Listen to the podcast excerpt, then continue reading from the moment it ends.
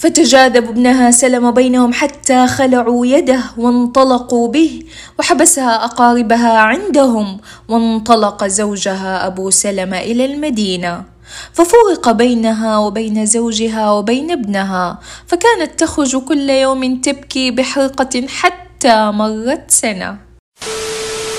أهلا وسهلا بكم في بودكاست بصيص الفؤاد معاكم مياسم عباس. نسب أم سلمة. هي هند بنت أمية بن المغيرة بن عبد الله بن عمر بن مخزوم.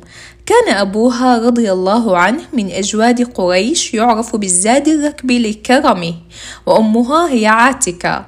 تزوجت أم سلمة من ابن عمها عبد الله أبو سلمة وهو من الصحابة الأجلاء الذين أبلوا في الإسلام بلاء حسنا. هاجرت السيدة أم سلمة مع زوجها رضي الله عنهما إلى الحبشة.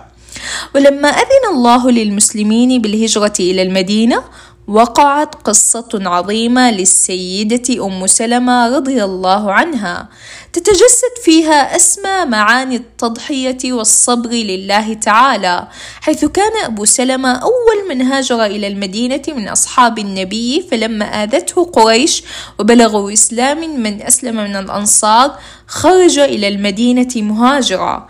وقد عانت السيدة أم سلمة رضي الله عنها ألما شديدا في هذه الهجرة. فتقول رضي الله عنها لما أجمع أبو سلمة الخروج إلى المدينة حمل أم سلمة على بعيره وحمل معها ابنها سلمة في حجرها.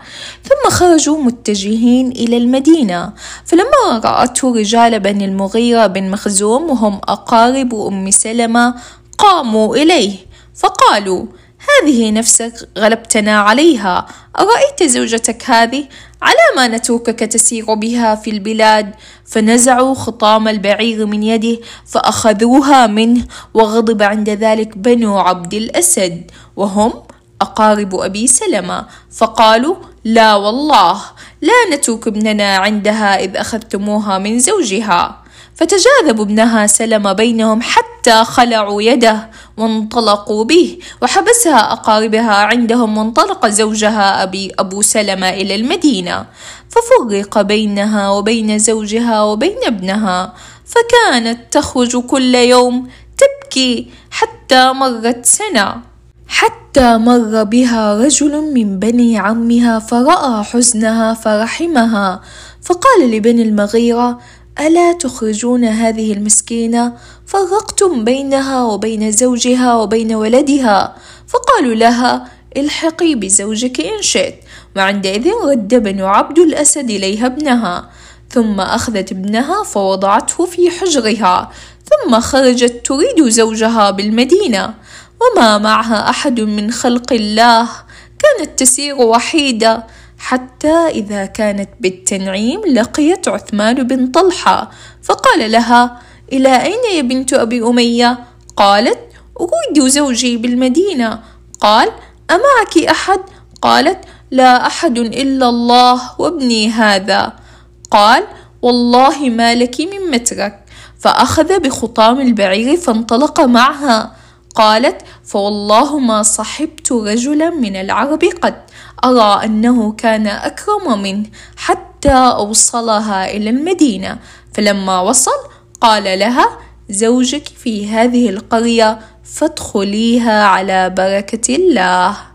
ثم انصرف راجعا إلى مكة. قالت أم سلمة رضي الله عنها أتاها أبو سلمة يوما من عند رسول الله. فقال لقد سمعت من رسول الله قولا سررت به. قال رسول الله صلى الله عليه وسلم لا يصيب احدا من المسلمين مصيبة فيسترجع عند مصيبته؟ ثم يقول اللهم أجرني في مصيبتي واخلف لي خيرا منها إلا فعل ذلك به. قالت فحفظت ذلك منه. فلما توفي أبو سلمة استرجعت وقلت اللهم أجرني في مصيبتي واخلف لي خيرا منها. ثم رجعت إلى نفسي وقلت من أين لي خير من أبي سلمة؟ فلما انقضت عدتي استأذن علي رسول الله صلى الله عليه وسلم فأذنت له. فطلب مني خير البشر أن أتزوج منه. فقلت يا رسول الله ولكني امرأة بي غيرة شديدة فأخاف أن ترى مني شيئا يعذبني الله به. وأنا امرأة قد دخلت في السن وأنا ذات عيال. فقال أما ما ذكرت من الغيرة فسوف يذيبها الله منك.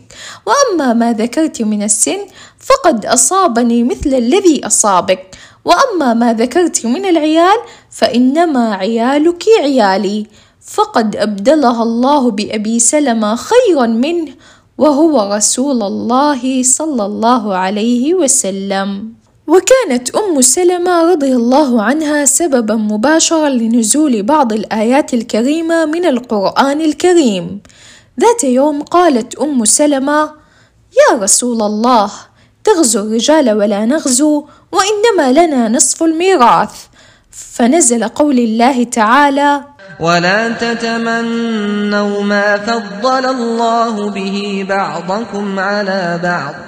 للرجال نصيب مما اكتسبوا وللنساء نصيب مما اكتسبن. واسألوا الله من فضله. إن الله كان بكل شيء عليما. وفي غزوة الحديبية لما فرغ رسول الله من قضية الكتاب قال لأصحابه قوموا فانحروا ثم احلقوا فوالله ما قام منهم رجل حتى قال ذلك ثلاث مرات فلما لم يقم منهم أحد دخل على أم سلمة فذكر لها ما لقي من الناس فقالت أم سلمة يا نبي الله أتحب ذلك؟ اخرج ثم لا تكلم أحدا منهم كلمة حتى تنحر بدنك وتدعو حالقك فيحلقك. فخرج فلم يكلم أحدا منهم حتى فعل ذلك. نحر بدنه ودعا حالقه فحلقه. فلما رأوا ذلك قاموا فنحروا. وجعل بعضهم يحلق بعضا حتى كاد بعضهم يقتل بعضا غما. وكانت أم سلمة موصوفة بالجمال البارع والعقل البالغ والرأي الصائب. وإشارتها على النبي صلى الله عليه وسلم يوم الحديبية يدل على صواب رأيها.